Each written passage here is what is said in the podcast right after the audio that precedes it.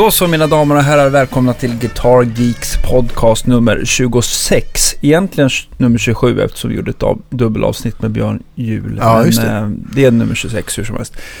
Eh, idag har vi med oss som vanligt Andreas Rydman och jag Daniel Cordelius och eh, en fantastisk gäst. En mycket trevlig skåning, nämligen Magnus Olsson. Hej, Välkommen. hej. Hej Tack, hej. tack. Ja. Hur det känns det att vara uppe på ja, Sveriges baksida? Eh, Det är faktiskt Sveriges framsida i mina ögon. Så Alltså, jag bor på baksidan. Ja, så är det så? Vart Ja. bor du någonstans? Jag bor i Göteborg. Precis norr om Göteborg. Ja. Ja. Nice. Ja, Vad härligt. Och du är ju uppe i Stockholm ibland av en anledning. det stämmer. Och eh, det är ju mitt jobb då som jag har oftast. Antingen så är jag här och spelar eller så är jag mitt jobb då som produktexpert åt en massa tillverkare och besöker butiker och visar prylar. Och, Ja, precis. Du har ju Mm. sålt lite Ibanez och Hughes Kettner och eh, Diadario och andra trevliga produkter när jag jobbar på Deluxe i alla fall. Och vi samarbetar ju lite idag i alla fall att jag får äran att köpa lite strängar av det i alla fall. Ja, och, eh, mm. stämmer. och eh, eftersom jag spelar med Diadario så ja. är Och det gör jag också. Ja, det gör du med? Ja, det har jag gjort. Sen jag var tonåring då köpte jag faktiskt alla strängsorter jag bara kunde hitta. Så, för att jag ville ha och sätta upp bilder på dem i, i, liksom, i pojkrummet hade jag på väggen. Så här, uppsatt alla olika strängtyper jag hade testat. Det var allt från SCT till Ernie Ball och försöka komma på mer. Jag hade några guldsträngar också. Vad kan det ha varit för något? Pyramid. Pyramid ja. Ja, ja. det- jag hade allt möjligt. Är Martin till och med ännu aldrig... nördigare än vad jag är. Ja, och GHS och... Nej, då, då var det mest bara kosmetiskt för jag tycker det var fint med strängpaket. Men, jag har men, satt upp dem i en perm faktiskt och liksom Ah, betygsatte dem. oh shit, är det sant? Ja, absolut. Så här, hur länge de höll, hur briljanta de var. För att jag Ja. tyckte att vissa strängar lät så otroligt bra. Precis när de var nya. Sen så vissa lät bra i någon timme och vissa i fem minuter och vissa... Eh, ja.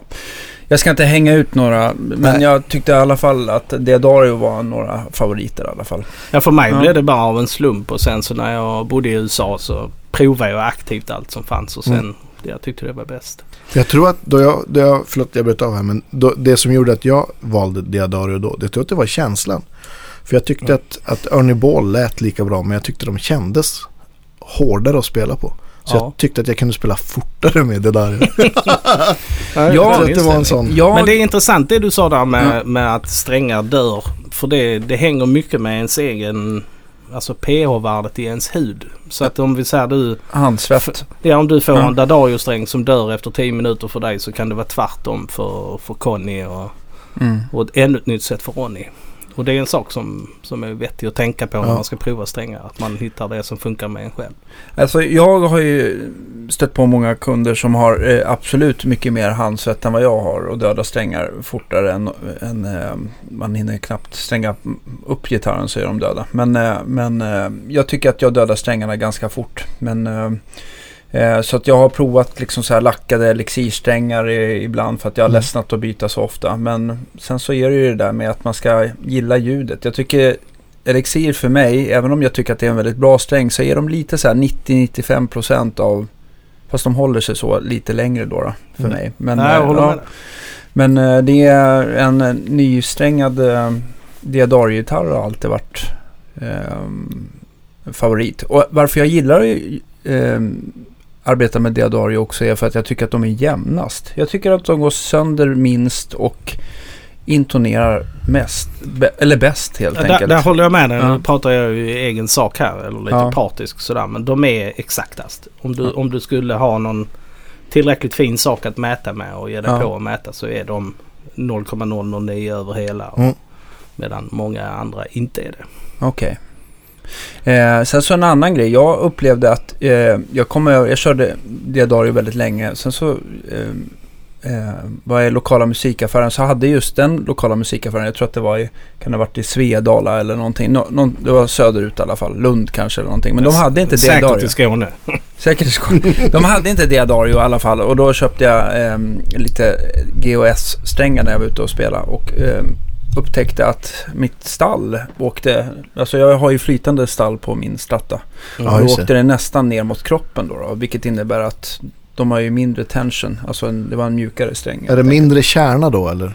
Nej, utan det är Ja. Det är väl egentligen lite intern eh, information men det finns tre tillverkare av den metallen som man gör strängar av. Alltså själva vajern. Okej. Och då det som skiljer då vilken som är hård och vilken som är, är vilken av de tre du väljer. Mm. Och sen så hur mycket den sträcks. Alltså vilken tjocklek. De, de, de köper ju strängarna oftast i en tjocklek. Och Ja. sen så dras det ut genom massa maskiner för att få rätt tjocklek. Alltså Just strä- så man, tjocklek okej, ha. så det är inte att man får en, man ställer in maskinen att nu ska du tillverka det här, eh, alltså rent ljud, hur fasiken. Jag hade tänkt mig att det gick till på ett annat sätt bara. Nej det går Ja. till så. Även i lånsträngar är också Ja. samma sak. Så det är samma som en Man, fiskelina det, det som är bara... tension, liksom, man sträcker den till rätt tjocklek helt enkelt. Ja. ja. Ja, eller Bra. den dras igenom en... eh, Ja, mindre och mindre och mindre, hål. Ah, okej. Spännande. Till det blir. Dras i, alltså så att det nästan hyvlar av. Nej, Nej, utan det är ju alltså metall Ja. vid, vid rätt temperatur så blir den ju formbar. Ja, just det. Så, jag kan inte förklara det. Jag har varit i fabriken och kikat och fått det förklarat för mig men det gick ju in där och, Var ligger fabriken någonstans? i New York. Mhm. Och det är verkligen värt ett besök. Eh, Det, det är mycket mer avancerat än vad man tror. Ja, Det jag kändes nu som att jag förstod precis hur de gjorde fast, fast eh, jag Ändå som- inte. ändå inte alls. Men, men eh, tre, tre fabriker gör de här eh, Ja, själva grund, grundmaterialet för Okej. strängar. Och då, då, vad ska man säga, stållegeringen i de tre olika skiljer. Ja. Och det är oftast det som gör skillnaden på eh, hur hård en sträng känns. Att, att ett märke känns hårdare än ett annat eller mjukare Mm. än något annat. Men sen så finns det ju lite så här tillverkare som till exempel DR. Som, som eh, de, om de kör en, pratar vi om de här lindade strängarna då, då som Mm. på ett 09 set så är väl E-strängen 042 vanligtvis va. Mm. Men de brukar göra så att de har lite mindre kärna, tråd, alltså diameter där och sen så har de en liten tjockare eh, Linning. linning då för att komma upp till samma och då blir ju strängen mjukare också. Det blir liksom lite mer Ja, flex i den upplever jag. Och faktiskt lite mindre output, men det kanske bara är min hjärna. Men jag Nej men det blir det. Det är kärnan som ger det mesta av Ja. outputen. Så Precis. Det är helt riktigt.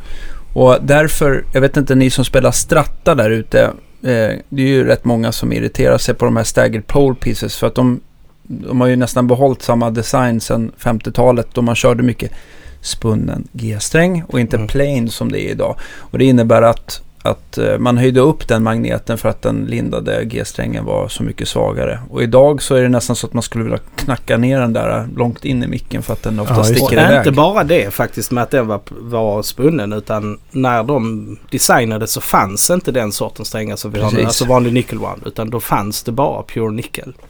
Så att sätter du på pure nickel på din strata eller din tele så jämnar du ut jättemycket av det. Och Ah, även då det här ah. med ispiken i stallmicken som många hör då. Att, eh, Intressant.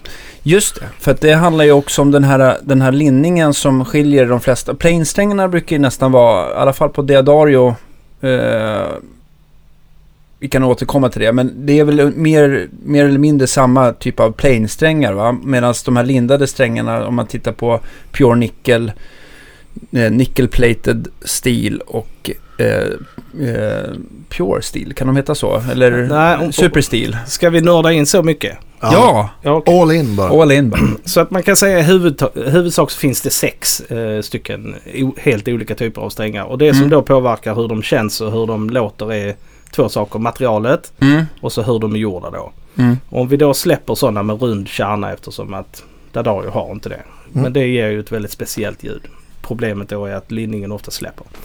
Men- Just det, men då får, innan vi liksom, om jag bara får dra i handbromsen där. Eller, Det får du. Ja, då är ju att, att den runda kärnan, den gör man väl inte för att linningen nästan släpper enklare från den va? Ja. Idag har man ju oftast en så här hexagonal kärna. Ja, det. Som är liksom sexkantig, eller åttakantig kanske. Men sexkantig har, tycker jag har sett mig på bilderna. För att Ja, linningen sexkantig. ska liksom hålla sig kvar. Ja. Eh, är det bara därför, för att strängen ska liksom hålla bättre eller påverkar det soundet väldigt mycket också? Det påverkar soundet ganska mycket. En rund kärna blir mycket mjukare i karaktären. Okej. Ja. Alltså om du tänker dig eh, äldre, old school. Alltså Den låter, Gammalt den, låter, den låter begagnad. redan från början. Ja, redan från början, Och de får väldigt ofta, de spunna strängarna får väldigt ofta intoneringsproblem. För Mm. att det, antingen så släpper spinningen från kärnan över hela strängen och då Ja. är den ju stendöd. Ja. man direkt. Eller så släpper det bara på en liten bit. Ja, just det. Och då intonerar det och börjar rassla och ge konstiga ljud från sig. Men om vi håller oss till de som har en hexagonal kärna. Ja. Vilket Adario då, om jag får göra lite smygreklam, uppfann. Ja. Jaha. Och, Ja. och, och, och alla gör det nu. Det finns inga som inte gör Okej. hexagonal Och när börjar man med det? Det låter som den här 70-80-tals eh, sak va? Ja, det var någon gång då. Ja. Årtal och Magnus går inte riktigt bra ihop. Jag minns inte sånt. Men, men i vilket fall så finns det då Pro Steel. Ja. Som är en sträng med mycket mer stål i. Ja.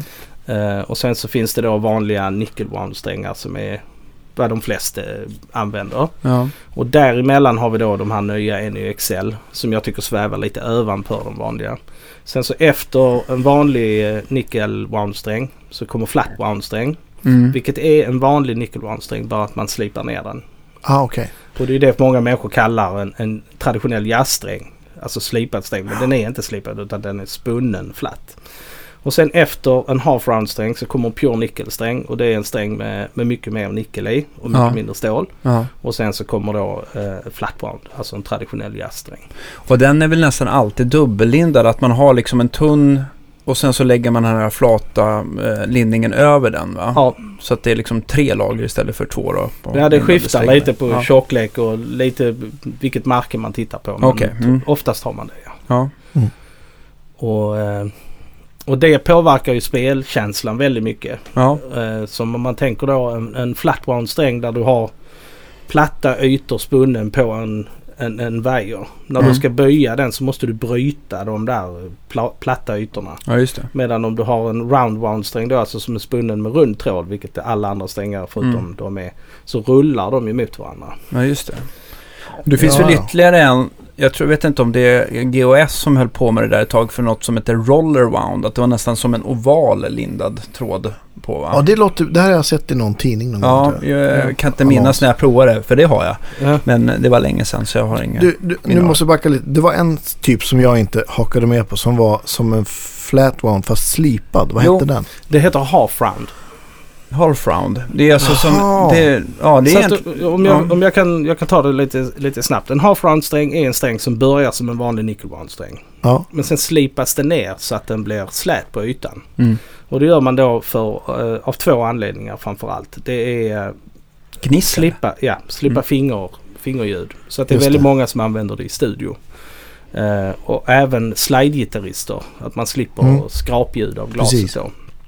Och, eh, och ljudmässigt så förlorar den lite attack.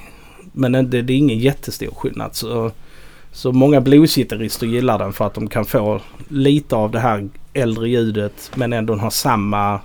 Alltså de känns, ex- ja, ja, de känns, Känns- exakt likadant som en vanlig.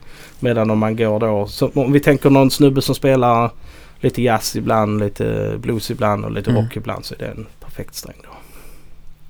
Just det, för att det här med spelkänsla också, hur en sträng känns är ju nästan lika mm, viktigt tycker jag som hur den låter. Jag kanske Mm. lå- att hur den låter går lite före, men jag tycker, jag tycker eller man har ju vant sig väldigt mycket vid den här nickel-plated stil eh, känslan. För, Ja, det- men visst. för går man till andra typer, vi kan ju nörda in, jag vet inte om vi ska ta det nu, jo men det gör vi.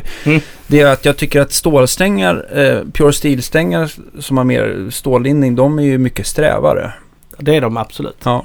Och sen så även Pure nickelsträngar känns också mycket strävare. Är det någonting som du... eh, Nej det, det, tycker inte jag. De ser Nej. bara gråare ut än en vanlig men de känns ser likadana. Så jag tycker man känner ingen direkt skillnad där. Nej men vilket märke provar jag då, då? För då var det nog inte Deodario. Jag tror att jag provade dem från... från, eh, från eh, jo, det var så här. Jag provade GOS. De gör ju någon sån här eh, fin eh, signatursträng till Eric Johnson som heter Pure Nic- eh, Nickel Rockers eller någonting Ah, sånt okej. där. Mm. Och det ger en så. Men den upplevde jag. Det var det första jag tänkte på.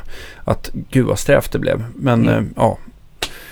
Men så Eh, det, det är mycket GOS. mer i hur, Ja. hur, hur, hur den tråden är spunnen än, än vad materialet är. Okej. För materialet i sig är det, är det ingen jättestor skillnad på. Okej. Men är man nickelallergisk ska man undvika pure nickel. Det blir ingen bra alls. Nej. Jag gillar i alla fall känslan av de här eh, nickel-plated steel. Det, det känns eh, komfortmässigt bäst. ja. Mm. Mm. Och då kanske vi ska gå in på det lite. Anledningen att vi har gått den här vägen med strängar är att om du går in i en normal musikaffär nu och tittar på deras strängvägg. Ja. Så har de sju olika märken av samma sträng. Ja. Alltså de gör exakt samma sak. De låter i princip identiska. Och ja, egenskaperna är samma. Medan det finns eh, ett mycket bredare spektrum att, att, eh, att färga sitt ljud med. Så det, därför är det en väldigt intressant sak tycker jag då som har Mm. nördat otroligt Du som har nördat otroligt på det här då, då Ja. tänker jag så här. Har du då såklart, du har olika strängar på olika gitarrer då för olika Ja. egens- egenskaper helt enkelt. Ja. Kan du ge några exempel sådär, hur du har tänkt? Ja, alla mina strator så har jag pure nickel. Mhm. För att jag tänker att gitarren är byggd för det. Och så, eller, För att så var strängarna på 50-talet? Eller? ja, ja, det fanns inget annat då. Ja, okej. Och, det, och, och alla har ju upplevt det här med en strata eller en tele att de blir vassa i stallmicken. Alltså Mm. när man slår över där. Och det försvinner väldigt mycket om man... Medan på de andra två mickarna är det nästan ingen skillnad alls. Okej. Och sen eh, på alla mina jazzburkar har jag ju självklart jazzsträngar då och olika tjocklekar. Mm. Eh, de jag spelar slide på har jag half rounds. Eh, de flesta elgitarrerna kör jag de nya NYXL på. Mm. Mm. Jag har liksom inte, jag vet att du spelar på NYXL också Ja, jag- Andreas. Och Ja. du, du har ju fått, du har ju fått upp ögonen, eller du gillar dem för att du tycker att de rent mekaniskt håller bättre. Ja, det är flera saker. Dels så nummer ett att de hå- håller bättre, alltså livslängden. Jag har sådana här händer som jag dödar strängar liksom. Mm. Och jag spelar väldigt mycket i, i perioder. Och, så att vanliga strängar så en kväll så är de döda liksom. Då får jag byta. Men med NYXL så kan jag spela två eller tre kvällar. Mm. Och det som, och det här vet jag inte, men min teori är att det är någonting som är hårdare för att de håller också intonationen längre. Ja. För, att jag, för det har jag upplevt annars till exempel med, med Elixir att de, de låter bra längre men intonationen försvinner ju lika fort som på andra sängar och Mm. att de går av lika fort som andra sängar. Så det var det Men som... en bra gitarrist ska ju kunna kompensera för sånt. Ja, precis. Nej men, alltså de sakerna du nämner här är ju faktiskt... eh, det- är hela tanken med dem. Ja. Det var det som var tanken. Så det, i grunden är det en... Eller vi kan säga som så här, deras tanke då, de är lite mer labbråttom uh, än, än många andra. Alltså de är vita rockar-människor som, som testar väldigt mycket. Men tanken var att börja om från början. Okej, Ja. vi skulle göra en sträng nu. Hur skulle vi göra då? Så Mm. de, det är en ny sorts metalllegering med mycket mer kol i. Ny sorts spinningmetod, ny sorts sätt att göra kärnan på. Alltså en helt ny sträng. Så det är inte bara så okej vi har en ny legering. Låt, låt oss göra en, en likadan sträng som vi redan hade bara med en ny Mm. legering. Mm. Alltså de börjar om från början för att se var kan man ta en sträng nu 2014 liksom. Mm.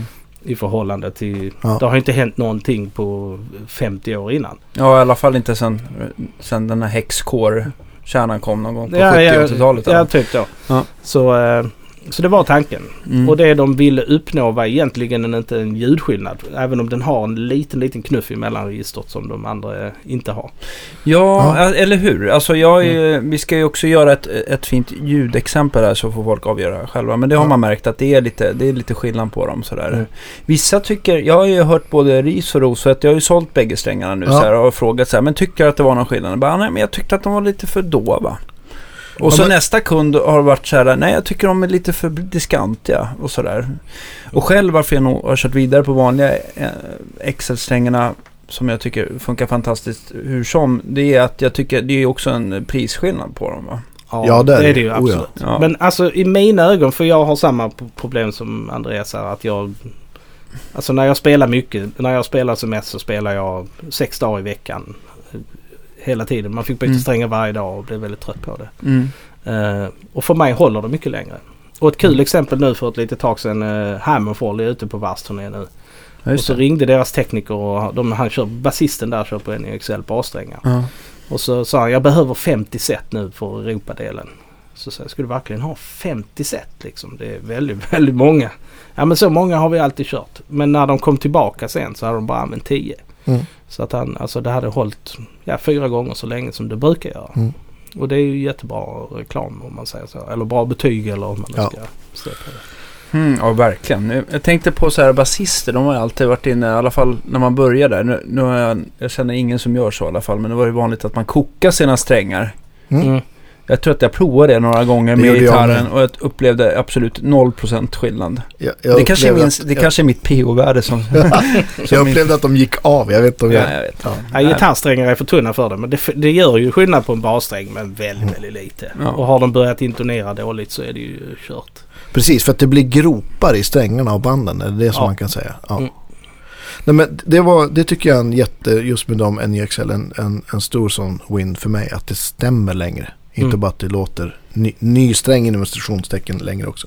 Mm. Ja, men det, det var faktiskt en, eh, ja, men en god vän och jättebra gitarrist, Claes Olofsson, som, som tog mig ner för där. Vi var ute på en turné för, jag vet inte om det är två eller tre år sedan. Och så, och så Fan har du testat de här Andreas? Jag bara, Nej. Här, ta ett set. Och så bara kastade han till mig ett set. Mm. Och så satte jag det på min, min tele då och, och blev lite knäckt. Och jag bara, han, ja, men, alltså, kan det vara så mycket bättre? Eller sa jag, fråga, frågade jag innan. Mm. Innan jag bytte. Han bara, jo, men det, de håller mycket längre. Och så låter det som, tänk att du lägger på en L2 bara. Allt blir bara lite fetare. Det kanske är den här mellanregisterknuffen då. Ja, jag vet inte. Ja men där är, det där är utmätt en liten knuff i mellanregistret. Okej. Och sen om man hör den eller inte beror ju lite på hur man lyssnar och hur transparent förstärkare man har. För det, Lasse Bjurhäll gillade inte NJXL. Han gillade Ja, de nu vanliga. hänger vi ut dig, Lasse. Ja, nej, men det är väl inte bara- Nej, nej, men det... Han, han tyckte just att nej, men de, de var lite finare diskant, de, de vanliga så att säga. Mm. Så att det är alltså en skillnad. Och jag, har hört, och jag har hört folk också tycka tvärtom. Att, liksom så här, att det blir ytterligare lite mer skimmer i dem. Men det, är- jag tror att också, man, ofta så blir man ju så, eh, just när man byter strängar så är det ju sällan att man byter från helt nya strängar. Så nästan alla, Ja, varje visst. gång man Ja. byter så blir man ju lite så här, o- blir det lite wow-känsla. Mm. Och sen ska man ju veta att placebo är ju en väldigt stark kraft. Alltså. Ja.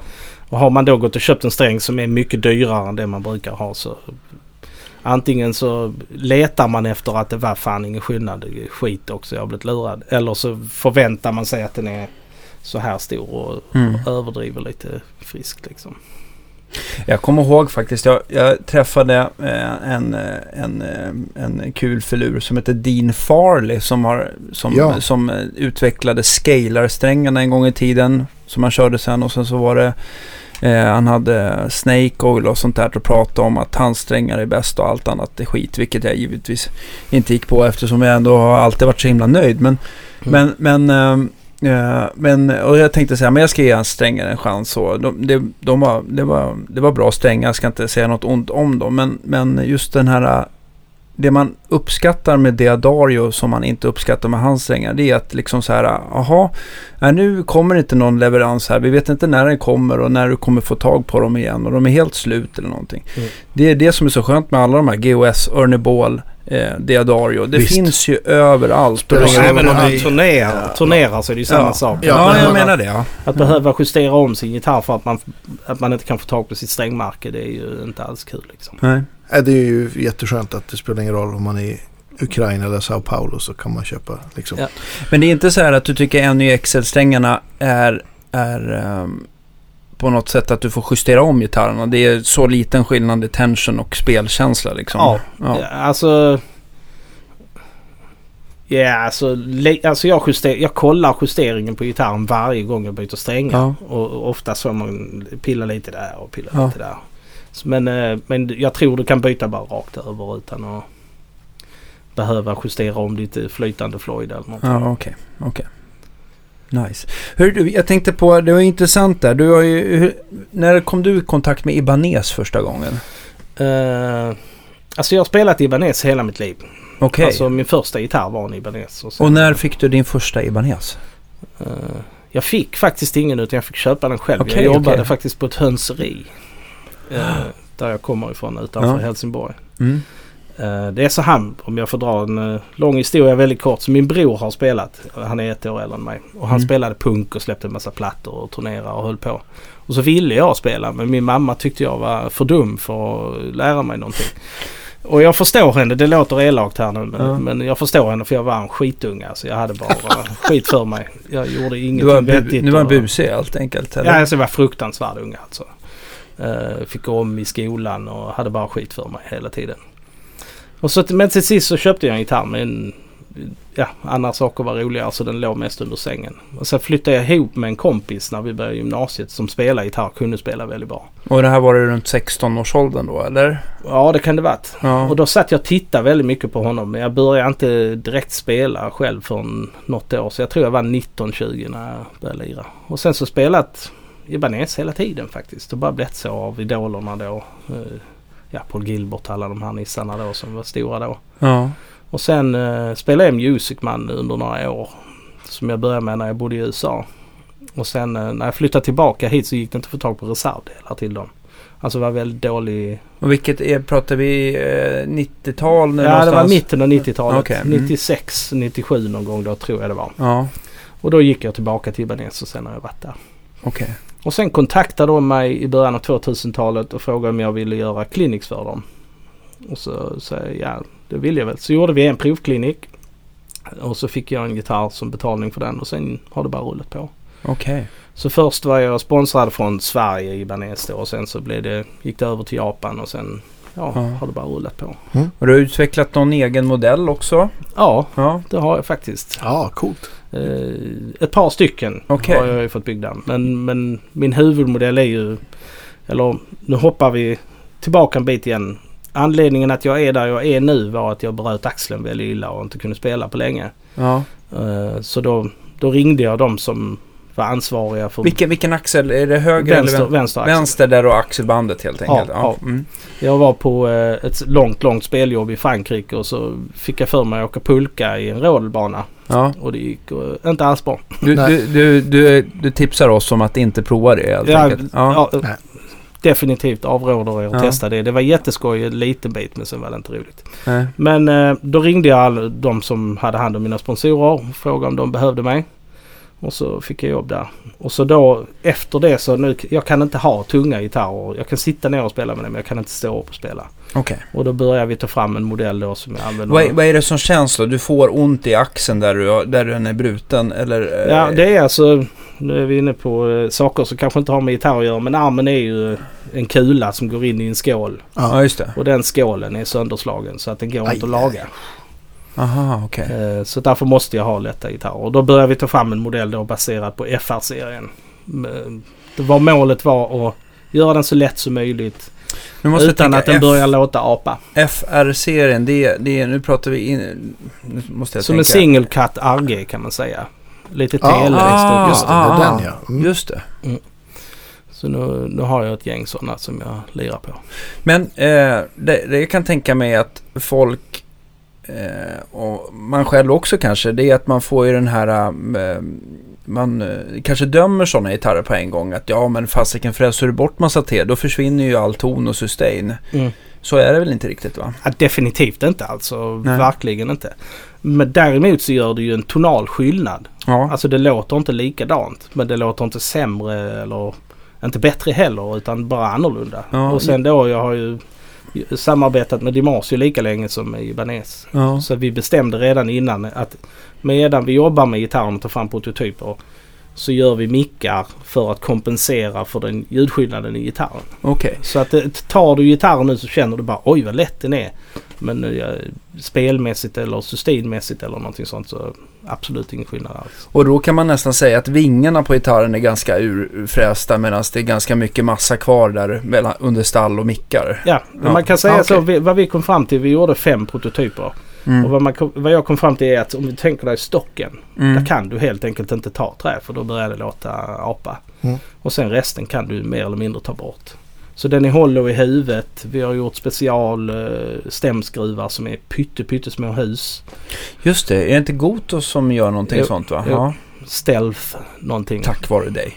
Ja det vet jag inte Mm. men det, det, det fanns inte ute på marknaden i alla fall vad Nej. jag vet. Vad innan. väger ett- en sån gitarr undrar jag då? Precis över två kilo. Ja. Oh shit, ja, det, Det måste ju vara som att ha en sån här Parker Fly-gitarr när de, med, Ja. för de är väl också sådär. Ja. Jag vill minnas att jag också ägt en Parker Fly-gitarr och tyckte den var jävligt ball. Eh, men det som jag märkte med så lätta gitarrer att, spel, att när, du, när du spelar med den själv och så här, då tyckte jag att det var, det var absolut inga problem. Men sen så är det så här live-sammanhang eh, adrenalinet kommer och man är liksom tar i mycket mer så upptyckte jag bara att det liksom så här den fladdrar omkring för att man liksom, jag vet inte, tar i hårdare Ja. eller någonting sånt där. Och det har tagit en inkörningsperiod Ja. det är så. Men nu är det så plockar jag upp en normal gitarr så tycker jag oj vilken tung jävel. Det här kan man inte ha. Så det, det är bara en vanesak. Men framgångsreceptet är alltså att eh, be- behålla så mycket trä under mickar och stall som möjligt. Även Ja. ba- längst bakåt till axelbandsknoppen eller Ja, hela vägen om hela säger. vägen. Ja. Vad, vad har du för trä i? Det är ma- den? eh, handplockad extremt lätt mahogny med en löntopp. Mhm. Och denna har ändå en, ja, vad kan det vara, 3 mm tjockare hals än normal standard Ibanez. Mm. Så att det är ju inte någon sån här löv, eh, Nej, ändå det. så lätt. Så eh, Har du kört eh, skruv, eh, Ibanez och skruvad hals är ju ganska vanligt. Det är Ja. så det blev. ja. Vet inte varför men jag tycker inte om gitarrer som inte har skruvad hals. Bara fix idé gissar jag. Men Nej men jag... det är alltid där jag har hittat hem om man säger Mm. så. Det är ju sällan man liksom får chansen så här att liksom ta en Les Paul och du vet eh, göra inspelningar med den och sen så ta bort halsen och skruva dit den. Mm. Och, Nej, det- och spela in den skillnaden. Så Det är det är, väldigt, det, är väldigt, det är väldigt svårt att liksom göra dem. Ja. Eller, de tvär, eller experimenten. tvärtom. Göra en, en, en skruvad hals. Limma dit den är ju ganska enkelt. Men göra Ja. den så att den blir en med, med mittstock liksom genomgående är ju omöjligt. Så. Nej men jag, alltså jag har läst någonstans om att det är någon, eller hört någonstans om att det var någon som gjorde det så på någon neck through och tyckte att det blev bättre skruvat. Jag vet inte Mm. om det är sant eller jag har inte sett det själv men eh, ja, det är kanske... Jag tror vi är där inne på den här placebon vi pratade om innan. Om du ger dig på ett sånt projekt. Det finns inga är det- placebo i den här branschen. Nej, absolut Nej. inte. Nej, men alltså, och, och där är, det, det är en rolig sak nu om vi Ja. får sväva iväg Ja, lite. Att ju äldre man blir, ju mer inser man hur lätt man fastnar i sina egna placeboidéer. Berätta, eh, berätta. Alltså om du tänker dig när man höll på med mickar. När man Mm. börjar hålla på med mickar, vilket jag har lagt väldigt mycket tid på. Så kunde man få en sån idé. Nej men det, det, får inte vara en keramisk magnet. Då är det skit. ja, just det. Nej, Eller det jag får inte vara det här. För Nej men så skit. här var det inte alls för mig. För att Ja. när man bytte mick då var det alltid bättre. Så det var ju så Ja, placebon var. Det var spelade Ja. ingen roll vad du satte dit men Ja, så var det ju i bra början.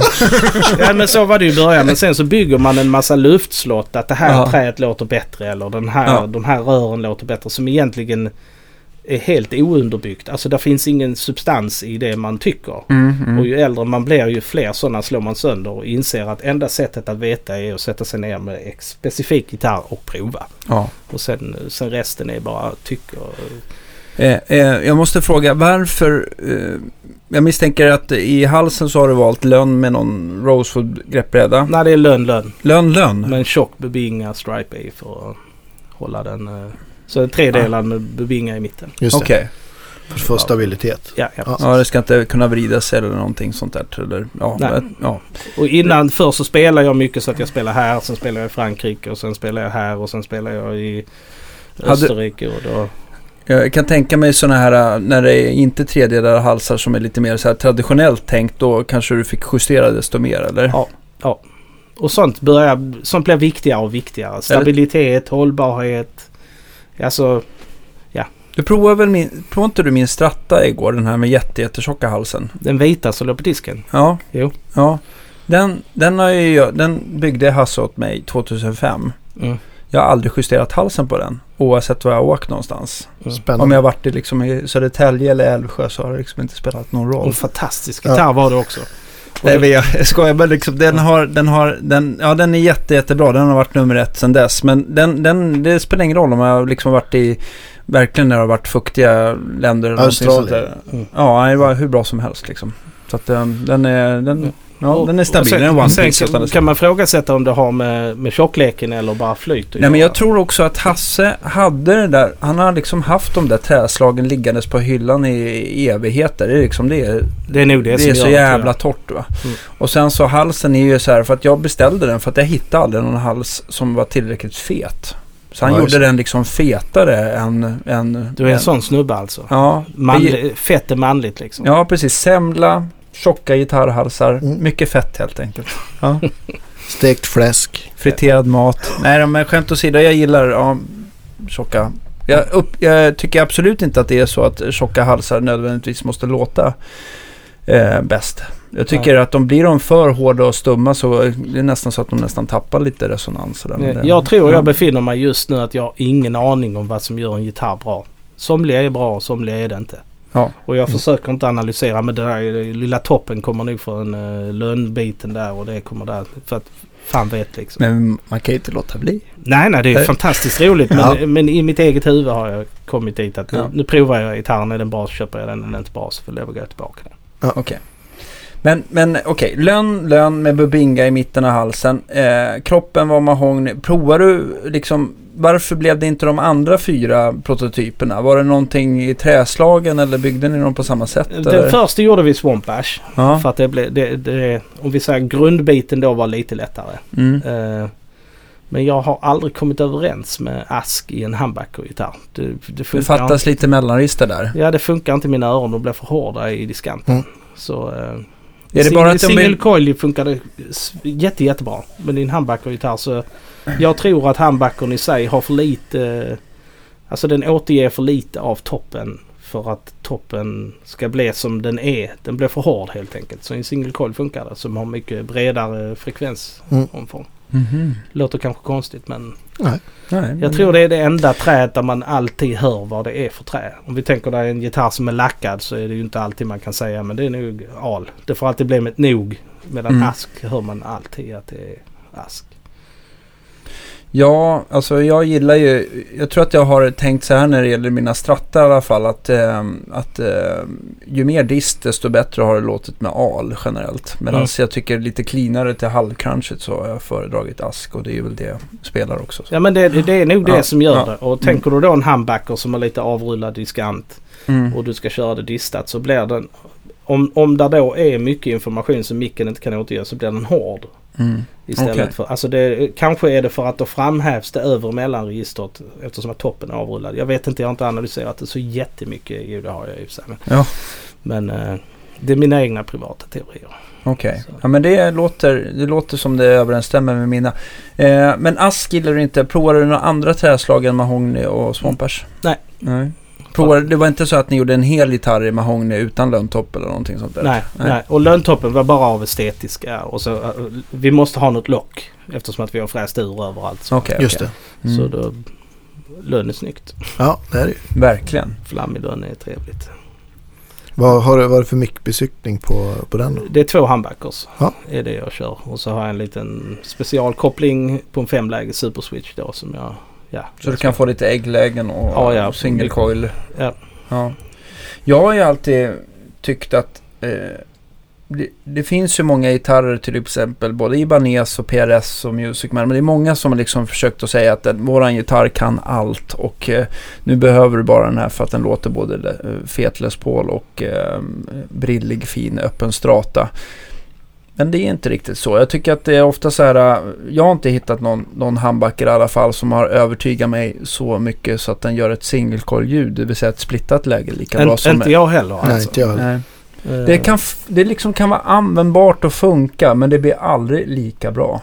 Nej men Nej, det alltså blir jag något annat. Ja, Mm. helt rätt. Jag tänkte precis säga det. Jag tycker det blir en annan sak. Och för den sortens rena ljud jag föredrar så föredrar jag en spole från varje, en två handbacker-gitarr. Och så innerspolarna och så de två i parallell med varandra. Ja, just Det det. ljudet Ah. blir mitt favorit eh, rena ljud. Alltså om du tänker dig Allan Holdsworth. Ja. här. Mm. Eh, Rest in peace. ja, vi, bör, vi går inte in där. Då blir jag bara tårögd och ledsen. Eh, Okej, men det. Jag tänkte på, vad, när du designade dina eh, humbuckers från DiMarzio, vad, vad, varför blev de som de blev? Har du, är de extremt heta eller är de underlindade Nej, alltså- eller vad, är, vad blev det för magneter och så vidare? Vi hade gjort en... eh, Vi hade gjort en mick åt mig redan, redan innan denna gitarren. Mm. Som var min egen. För att jag, jag har alltid gillat eh, ljudkaraktären om du tänker dig en fusion mick som, som Breed eller någonting sånt där. Alltså lite avrundad, eh, väldigt legato i stilen. Mm. Mm. Men eh, den sortens mickar är alltid hög output. Alltså dy- dynamiken Ja, precis. dålig dynamik. Medan om du går till en svag output eh, mick så är de alltid jättesprilliga i diskanten. Så att jag har f- försökt gå tvärtom där och få EQn från en, en, en het mick i en svag mick. Aha. Och sen hur de har gjort det, det har jag faktiskt aldrig frågat. vad mäter de? Vad mäter stallmicken? Jag vet faktiskt inte. jag vet inte. Men, Nej. men eh, de, är, de är inte heta, de är inte jättesvaga. Men som en normal paff är de. Fast de är mycket fetare i karaktären så kan Ja. man säga. Och det är ju det, är primärt det jag gör, är att spela legato. Alltså fusion-aktig. Det är det Mm. jag gör med hjärtat om man säger. Mm, mm. Ja. Coolt. Alltså jag, jag är ju liksom, jag tror att jag pluggade in hela DeMarso-katalogen och Seymour Duncan och det finns ju massa. Eh, men det, jag vet att DeMarso de mätte ju alla sina mickar, alltså som var i och för sig ganska bra, att de mätte dem i millivolt så här. Man kommer Mm. ihåg att en, en, Aha. en, en HS3 hade typ 91 eller 93 millivolt i output. Medan Mm. en X2N som kanske var den hetaste då i alla fall Ja. hade 510 millivolt i output. Oj. Och en Mm.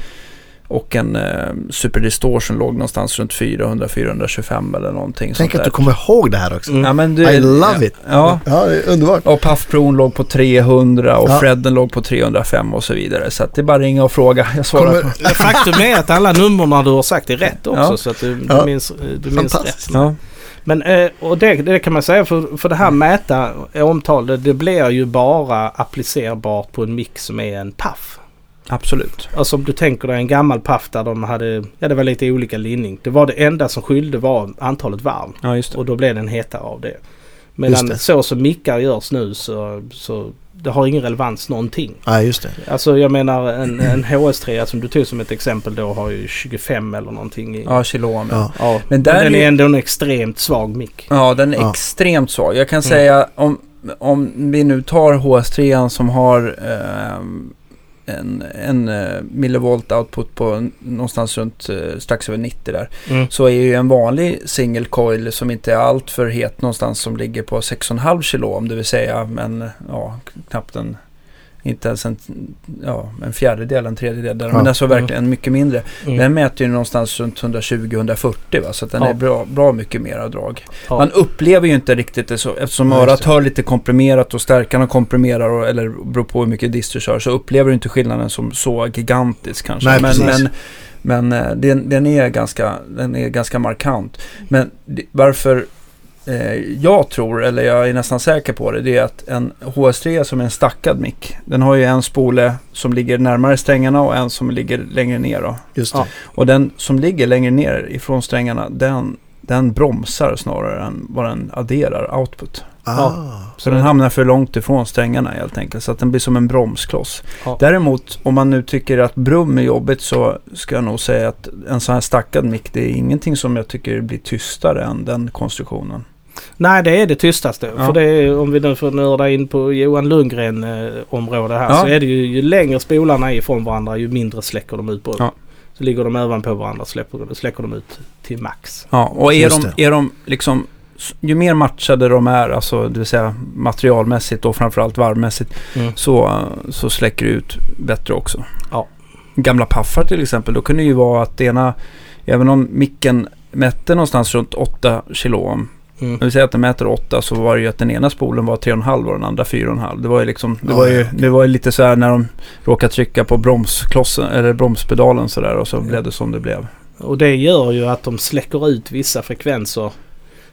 Ja, jag- jag- släcker, släpper igenom brus på vissa frekvenser. Jag tycker någonstans att när de är lite om, omatchade spolarna att de öppnar upp lite grann. Jag Mm. tror att säkert de som du gillar, de här throwback-mickarna, de, Mm. de puff-varianterna och säkert Demarcio gör så med vissa grejer också. Som, Ja, de har många mickar där Ja. det är byggt så med tanken alltså för att få ett Ja, annorlunda frekvensomfång. Men det kändes, den, eh, eh, jag har en, en Washburn där med en, en ny Lundgren-mix som heter Heaven 77. Mm. Som ska liksom vara bra på det bruna ljudet från typ 77-78. Och det är den Mm. verkligen. Eh, Mm. En fin demo kommer snart lovar jag. Ja. Eh, och, men den, kän- och den testade du också och den känns ju ganska ändå mycket hetare än, än mina throwbacks men ändå att den har liksom diskant. Kan det också vara att, den är, att det är missmatchat då eller?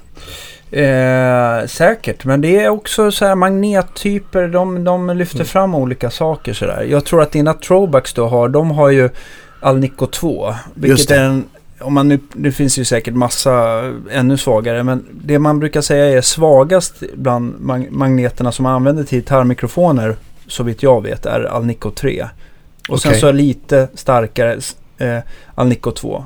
Sen Alnico 4, sen Alnico 5 och sen så Alnico 6 brukar man ju sällan använda men de finns ju vissa så här lipstick-mickar. Okej. Mm. Alnico 7 tror jag aldrig har sett i någon mikrofon men Alnico 8 finns ju till exempel i eh, jag tror att den heter till exempel Alternative 8 från Seymour Duncan. Ja, just det. Den låter inte alls bra.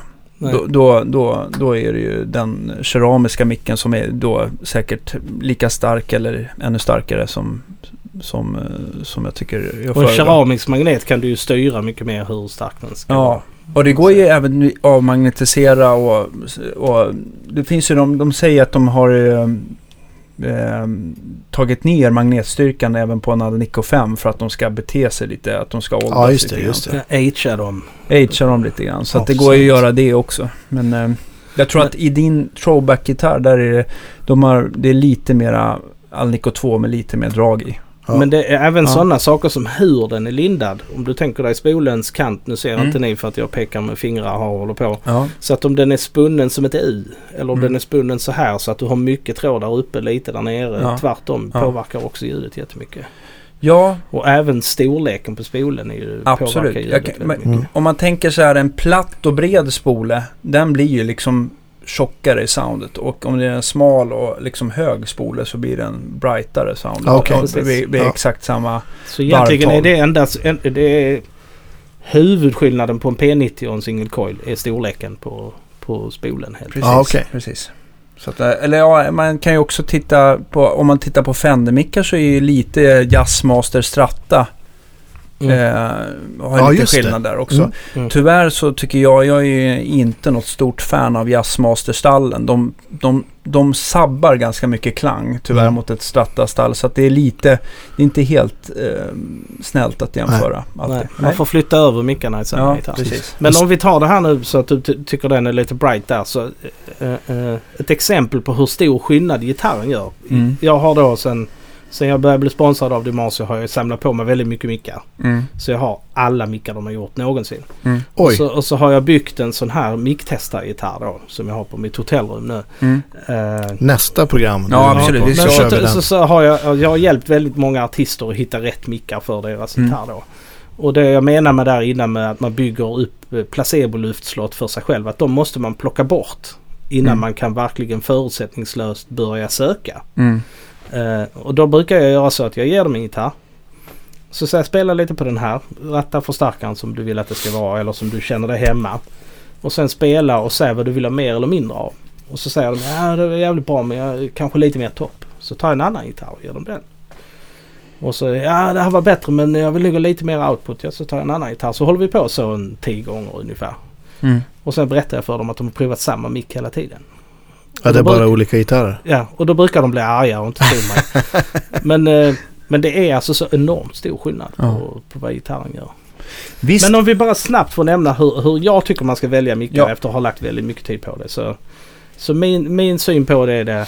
All, alla vill vi ha X-mängd häng. Alltså sustain ur gitarren. Alltså strängen Mm. ringer så länge som den ringer. Mm. Och det måste man ju uppnå för att kunna spela den stilen av musik. Och det skiftar ju på om du spelar country eller om du spelar metal. Men om Mm. man vet vilken nivå den är. Så för, och då ju bättre gitarren i sig själv är. Mm. Ju svagare mick kan du ha och få samma häng. Ah, Så Mm. välja så svaga mickar du kan. på en så- resonant så. gitarr. Ja, ja precis. Alltså låta resonansen i gitarren i sig själv avgöra hur svag mick du, du kan ha och ändå uppnå den mängden häng du behöver. Och sen, eh, för då vinner du bredare frekvensomfång. Mm. Alltså ju svagare micken är ju bredare frekvensomfång. Du får en renare, tajtare, fastare bas. Även Mm. om man tänker då vi ska spela dugudugudun, heavy metal då. Mm. Så väljer ju de per definition bara en, en jättehigh output för det gör så verkar alla andra också göra. Men Mm. då bara driver det förstärkaren för hårt och så skiter. Komprimerar det och blir löst istället. Ja, och de skiter på sig i basen. Mm. Och sen tänka EQ. Och efter att det, det tar ett tag att lära sig men om man tänker grovstaplat dela in gitarrens akustiska ljud i tre. Bas, mellanregister och diskant. Mm. Och så tänka på hur micken ska komplettera det för att uppnå det man vill, vill åt. Mm. Och då kanske man ofta inser att den här gitarren kan inte göra det jag vill att den ska göra. Och låt säga jag köper en Bright Strata och jag vill spela i Meshuggah. Alltså det kommer inte att gå hur Nej, jag än precis. gör. Så att man måste hitta Ha många rätt för... Ja, ja, Ja, men. Nej men ni förstår vad jag menar. Mm, det, det mm. tycker jag själv är det bästa sättet att välja mickar. Just det, för jag tänker så här när folk kommer till mig och vill ha nya mickar så, så bara så, eh, så är det ju alltid första frågan vad problemet är. Mm. Så att det är egentligen det man vill känna på först. Är det att någon kommer med sin nya Fender Custom Shop Strata som ja, kanske inte är det bästa exemplet men att de vill ha en Eh, ja, men jag tycker att det är, stallmicken är för, för, för tunn och vass liksom som är ganska vanligt. Liksom. Mm. Så, så vet man i alla fall vad man ska kunna börja rekommendera eller någonting. Eller att man kan lyssna och få någon uppfattning om hans gitarr och liksom bolla lite Ja, grann fram och tillbaka vad de vill, vad de vill åt för något. Och sen är ju allting en kostnad. Ja. Och, så, och sen så... Så att det, det är ju läskigt att behöva köpa 25 mickar för att hitta sin mick. Det är ju ändå 25 000 i runda slängar. Ja, Och så går man ut på sitt forum och så skriver man ja, jag letar efter en bra single coil. eh, Och så svarar folk utan att ha tänka på vad du har för förstärkare, vad du har för strängtjocklek, var slår du an med ditt plektrum, nära stallet eller närmare halsen. Ja. ja. Vad är mellan gitarr och förstärkare? Ja, precis. Där är Ja. ingen relevans i det alls. Alltså det är gjort med, det är gjort med hjärta och, och vilja att hjälpa men det hjälper ingenting. Det var ju otroligt ingenting. intressant som vi pratade om tidigare här. Vi kanske inte ska hänga ut något märke men du hade kört jättelänge på ett förstärkarmärke från Mm. Tyskland. Mm. Och sen så tyckte jag att fan det här med plektrum det är ju, det är bara känsla. Det gör ju verkligen noll skillnad Mm. ljudmässigt. Och sen så bytte du till, eh, eh, ja det vi alla spelar på idag, Johns eh, förstärkare. Och upptäcker att fan det här med plektrum det gör ju i princip hur stor skillnad som helst. Ja. Och, Ja. och jag gjorde en kul demo av den här Olsson-förstärkaren bara av, av att jag blev så sjukt inspirerad av den när jag köpte den. Och där byter jag från, bara, det är exakt samma plektrum bara en tjocklek tunnare. Och det, till och med i videon hör man skillnaden Det är jättetydligt. ju Och det, ja. Men det jag spelade innan så försvann de skillnaderna. Så, så transparent, eh, eller transparens kanske man ska säga, är, är väldigt relevant när man pratar med de sakerna. Sitter den som eh, kommer med åsikten hemma med en överdistad podd in i ett ljudkort för 800 kronor. Alltså Mm. han har nog aldrig hört de skillnaderna som... som Jag tycker man kan uppleva de skillnaderna när man sitter oinpluggat med gitarr. Om inte Oh, strängarna är allt för då, eh, Ja. stumma, även på ack eller någonting så kan du ju höra väldigt mycket. För det, det som blir, det förstärks ju ändå ut av mickar och allting och, och, och kan då höras i en stärkare Mm. som är en bra. Eller Men jag gjorde bättre ett test då när jag trodde att plektrum, alltså för, tro mig, förstå mig rätt här nu. Tog du det allra tunnaste plastplektrum du kan hitta och ett hårt metallplektrum så hörde man skillnad i vilken förstärkare som helst. Ja, Men jag gjorde ett ljudklipp där jag tog en 30 plektrum och spelade ungefär exakt samma saker så likt jag kunde spela in det, la upp det på nätet det var ingen som Det ska vi lägga ut på vår sida. Det ju, det finns inte kvar längre. Det var Nej. väldigt många år sedan men, vi lägger inte upp det på Vi lägger vår inte upp det. Men det, det, det gick inte att höra någon skillnad. Medan då i den här förstärkaren eh, så bara Mm. Så där måste vi slänga en liten en, eh, en kram till John. Ja. Du gör världens bästa rena ljud min vän. Ja. Men jag kan tänka mig också sådär att folk som får sådana typer av stärkare, det finns ju flera här, eh, jag tänker på Mad Professor eller ja, Ja. alltså sådana som är så transparenta. Det kan ju också vara lite läskigt ibland. Absolut är det så. Det är ju så sjukt avslöjande. Ja. Har du en dålig gitarr får du veta det direkt. ja, ja. Har du ett slopp i teknik får du veta det direkt. Sitter inte dina räkor får du veta det direkt. Den förlåter ju ingenting. Nej. Det är bara... Men däremot om, om du har rätt koll på ditt anslag och, och så vidare så, så ger den det där lilla extra tillbaka som du inte kan få någon annanstans. Mm, mm. Och det är det som är förstärkare för män. Får vi säga så utan att det låter fånigt. Jag måste bara fråga det här. Eh, tycker du att det finns... Jag kommer ihåg själv när man började spela hårdrock och sådär att man gillade ju när det var mycket output i mickarna. Tycker du att för dig finns det någon så här användningsområde där high output, alltså nu pratar vi om de här eh, hetaste över 400 millivolt som eh, att de kan få ett, eh, att de kan funka riktigt bra i något sammanhang? Ja det tycker jag faktiskt. Om du, om du tänker dig att du spelar shreddig gitarrstil Mm. och solorna då så är det ju otroligt trevligt. Alltså för det är ju extremt förlåtande. Det komprimerar ju på ett sätt så att det, ojämnheter i din teknik försvinner. Och, eh, och det är ju bara... Det, det blir ju fantastiskt bra. Så om man har en bra gitarr med jättebra sustain och har en sån high output mic då kan man ju få oändlig sustain. I princip ja. Ja. Mm. Om, man nu, det, om det är nu det man vill. Don't touch it. Don't touch it. Nej, men, jag menar, all, det pratas väldigt mycket om sustain. Men hur många gitarrer har man stött på som har så dålig sustain att man inte kan använda den? Jag tror aldrig jag har stött på en sån Nej. gitarr. Nej. Alltså det är ju typiskt så här, eh, kom ihåg man, eh, jag fick få, jag som spelar mycket blues och tyckte att det var så jävla snyggt att ha så här halvakustiska burkgitarrer. De får i princip, nästan alla i alla fall, får ju sämre sustain ju högre upp på halsen man kommer. Mm. Eh, och det blir verkligen påtagligt stor skillnad. Det kan ju bli så här, så här på gamla 50-tals Harmony att det låter ju som, som att man liksom håller på dämpar hårt med Ja, det handen blir ungefär. Det bara, Percussion-instrument Ja. med ton på. ja. Ja, precis. Men, eh, men eh, det är väl då, då i, i princip. På en planka tycker jag väl inte att det är...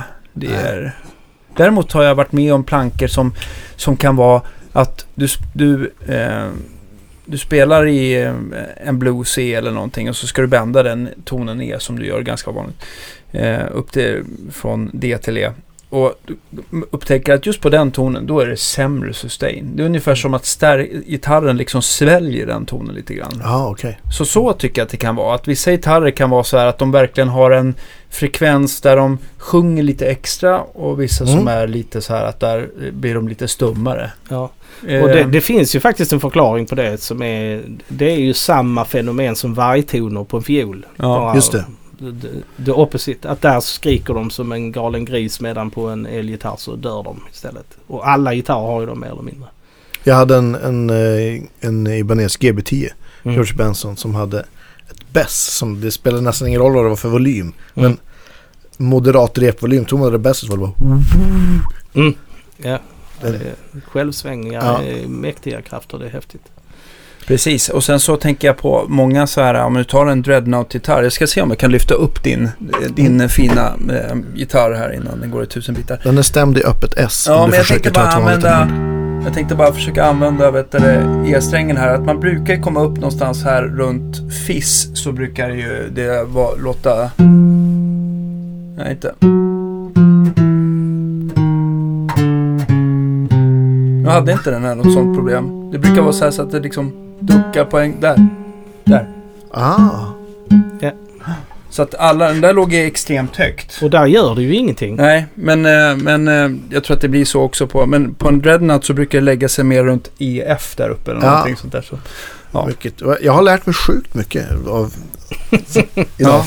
Men, men ska vi kika på det med strängar? Vi har Ja, vad kul. Ja, ja, ja. Jag, jag måste bara berätta. Jag gjorde ett, jag tänkte så här, då vi snackade om det här med strängtest och grejer så blev Mm. jag ytterst glad. Så tänkte, har jag någonsin gjort det? Sen kom jag på att jag gjorde ett litet strängtest för om det var två år sedan gjorde jag en turné.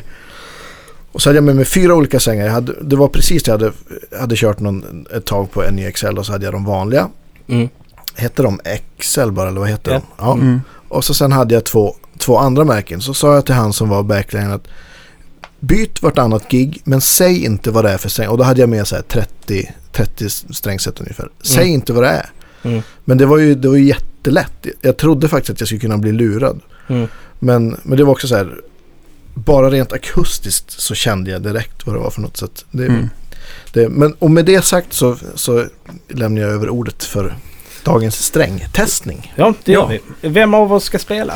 Jag tycker att eh, vi eh, gör sten, sax, påse. Nej, men jag tycker som bäst gitarrist spelar Andreas. Nej, nej, nej. Det var, nu är ni för Det snälla. är ju jag. Nej, men det är klart Ja. att det är du Andreas. Men skicka hit den här. Nej, jag men kan, du, jag kan du, spela. du, du är bäst. Du är bäst. Nej, det är jag inte. Ja, det men- tycker jag. Men Men här alltså, var, nu, nu ser Du är bäst på det. olika saker. Du är bäst på att spela ehm, Vi har en gitarr D-strängad här gitarr. så där det sitter bara D-strängar på. Mm. Eh, från sex olika, inte, inte olika tillverkare utan helt olika modeller. Det som vi pratade om innan med antingen olika tillverkningskonstruktion eller olika material då. Mm. Så på den här då, om vi börjar med att jag bara spelar de två som det är absolut störst skillnad. Eh, så förstår ni att det gör skillnad. Och sen blir det mer och mer nyanser. Och nu har vi bara en sträng av varje sort på den här gitarren. Så att om du tänker dig att du skulle sätta det på en hel gitarr så är skillnaden ungefär fem gånger så stor som du kommer uppleva den nu. Ja. Och sen ett litet lyssningstips är att lyssna på precis själva anslagsljudet för det är där den största skillnaden eh, på olika strängar är. Får vi se om, vi, om man hör någonting Så eller om man, ska, om man ska hoppa från Västerbron. Då. Här har vi en. Och Och då den där det är absolut störst skillnad. Där, där hör väl även min mamma som står och steker köttbullar skillnad tycker jag. Mm. Alltså väldigt stor skillnad. Så att om vi lägger det i ett annat läge.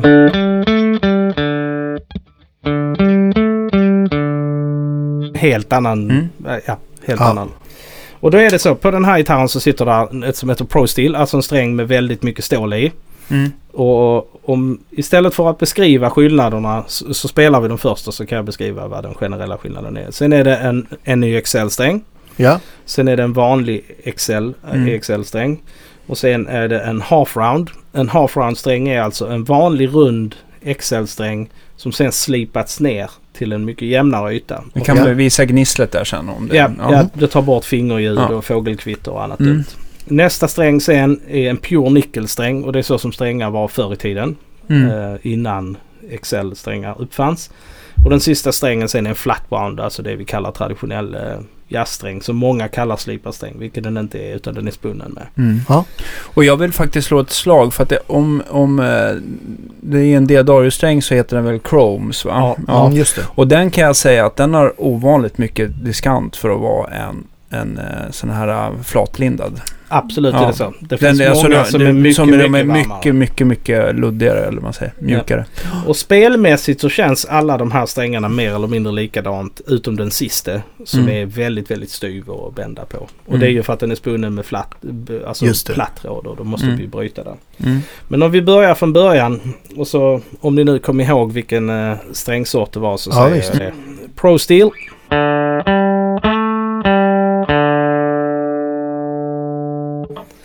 NYXL.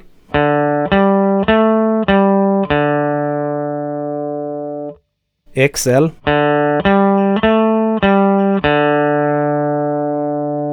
Half round. Pure nickel.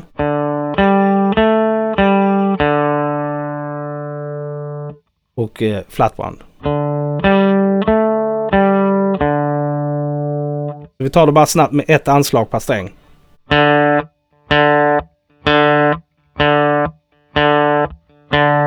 Skulle du kunna göra det sista med, med mittläget på gitarren också? Ja, Får man absolut. lite mer Mm. diskant också. Och det blir väldigt stor skillnad på om jag spelar hårt. Ju hårdare jag spelar ju mer jämnas skillnaden ut. Ju mjukare jag spelar ju större blir skillnaden. Okej. Så att jag försöker spela normal hårt.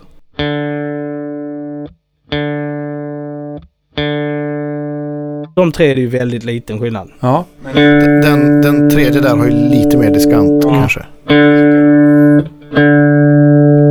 Så att om vi då spelar...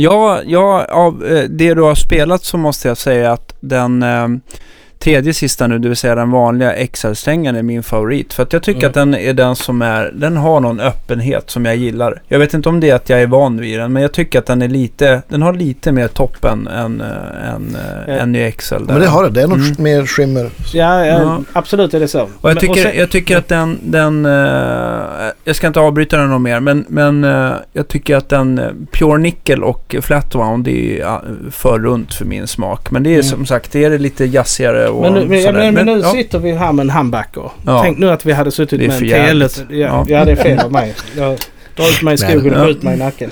Men om vi tänker att vi hade suttit med en tele i Swamp Ash som var väldigt bright, en Ja. 70-talstele, så hade det ju verkligen tämt den gitarren. Så, nu är det brukar- en halvakustisk humbucker-gitarr mer eller mindre. Ja. Så hade vi spelat distat nu så har Pro Steel då har, har en renare bas men, men mer output och mer diskant. Så att om man tänker att man spelar väldigt distade hårdrocksriff och så och behöver separation Mm. så är den strängen sjukt bra. Ja. Alltså det är extrem separation.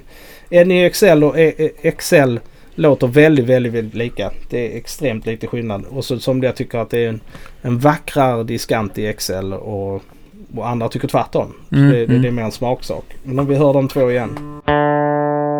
E, NEXL, XL. Alltså det är natt och dag. Nej jag skojar bara. Ja, nej, men den, jag tycker, eh, jag, I mina öron så blommar XL-strängen på ett annorlunda Ja, ja sätt. precis. Mm, Ja. det är sant. Och, äh, mer så, medan den andra är mer direkt. Ja men Spelar den jag- här lilla midpucken gör att det blir lite oigare kanske. Ja, ja precis.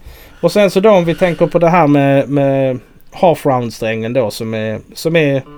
När den är helt ny så är skillnaden i diskanten inte jättestor. Nej precis. Eh, men man slipper alla de här fågelkvitterljuden. Nu har vi inte så jättehögt här inne så att men... men Ja just det. Där, är på där har vi en vanlig, en vanlig sträng. Ja. Och sen en half round-sträng. Det är ju helt annorlunda. Ja absolut. Och det, spelar man in då liksom om man tänker något rent komp eller något sånt så kan ju de vara fruktansvärt enerverande. Mm. Eller slide och slippa Ja, glasljud. Ja, men vi har ett slider här som vi bara kan dra kanske Ja, om vi, om vi, ger det, vi ger den till Andreas som Ja, kan absolut. spela slide. Vilken var det nu? Var det den? du, du Eh, hör. ja, eh, tredje nerifrån. Den ja. Borde höra, precis.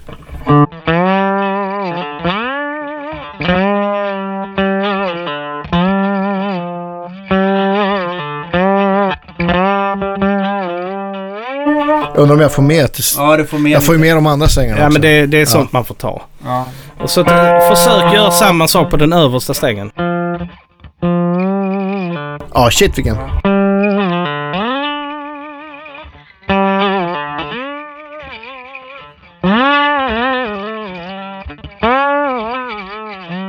Ja, nu skrapar det lite på de andra också. Men... Ja. Ja men, men, var alltså- men ändå, ändå att de andra, ändå att du skrapar lite grann mer på, på de andra så, så är det ju påtaglig Ja, skillnad. men lyssna på det här då.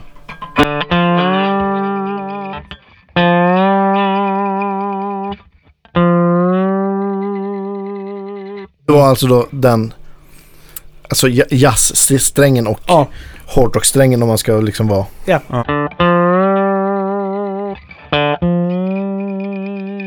Där är det ju som någon tar hela frekvensomfånget på Pro Steel-strängen och bara skruvar ner alltihop. Alltså bara... Ytterst fascinerande. Ja. Ja, så att det, det är större skillnad än vad man tror. Och ta ett exempel här nu som eh, nu sist Roxette var ute på turné. Mm. Så, så hittar de inte rätt ljud i en barytongitarr. Och, och så snackar jag med gitarrteknikern där vi höll på att ex- experimentera med allt Micke, möjligt. kanske? Nej, han Nej. heter Jakob Jonsén tror jag han heter. Ja, de kanske har flera. Ja. Eh, och så, eh, så fick jag till sist idén. Vi provar göra en... Alltså det de, om jag förstod dem rätt så, to, så letade de efter det här lite Tom Petty-aktiga. Ni vet Ja. det här bariton single note lines med lite Mhm. tremolo på. Så då fick jag Dadario att göra en custom sträng till dem. Alltså en jätte jättetjock Björn Nickel-sträng. Och då bara helt plötsligt var vi hemma liksom. Ja, vad coolt. Så de där nyanserna. Det är där de sitter om man säger. För det är Mm. där ljudet börjar. Så eh, att den skillnaden där är i en Pro Steel och en Half Round går inte att skruva bort någon annanstans. Den är där. Det är, Mm. som, om- det är som sångerskan. Hon, hon har sitt ljud. Sen kan vi EQa det och ändra hur mycket vi vill. Men hon, Mm. hon påverkas inte. Så eh, ja, Ja, där var vi nördiga. Ja, absolut. Sjukt jag tyckte det var intressant. väldigt, väldigt intressant. Eh, nu vet jag inte också så här... eh, Jag kan tänka Nu vet jag inte om du har stängat om den precis innan du kom hit. Men Nej, det, väl- strängarna har suttit på eh, sen Fast Guitar Show. Eller vad säger jag? Free Guitar Camp eh, förra året. Så, Så jag kan tänka mig när det, när det är ännu mer nysträngat så kanske skillnaden är ytterligare något trappsteg Ja, högre. va? förmodligen. Ja. Det var, med slideröret så var det ju om man tog liksom ytterlighetssträngarna så var det ju enorm skillnad alltså. Ja. Och nu, nu ska det sägas också, vi har, det, det är en ganska billig gitarr med Ja. halvdassiga mickar. Alltså, ja, det är ju en Ibanez. Ja, precis.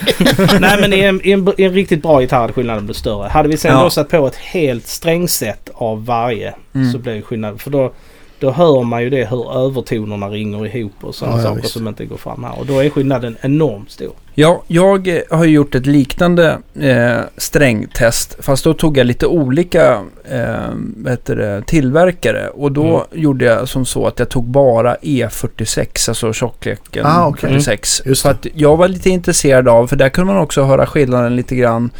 Eh, hur mycket botten det var eftersom den ändå Mm. är stämd eh, ner till ett E så att det gör lite mer skillnad där i den, det registret. Eh, och vad jag kom fram till, jag tror att ett löst E, det måste väl vara runt 110 Hz. Jag vet inte, 80 kanske är det. 80 är det ju Mm. såklart. Eh, och jag eh, eh, fick då känslan av att NY-XL-strängen hade lite mer botten än vad vanliga XL-strängen hade.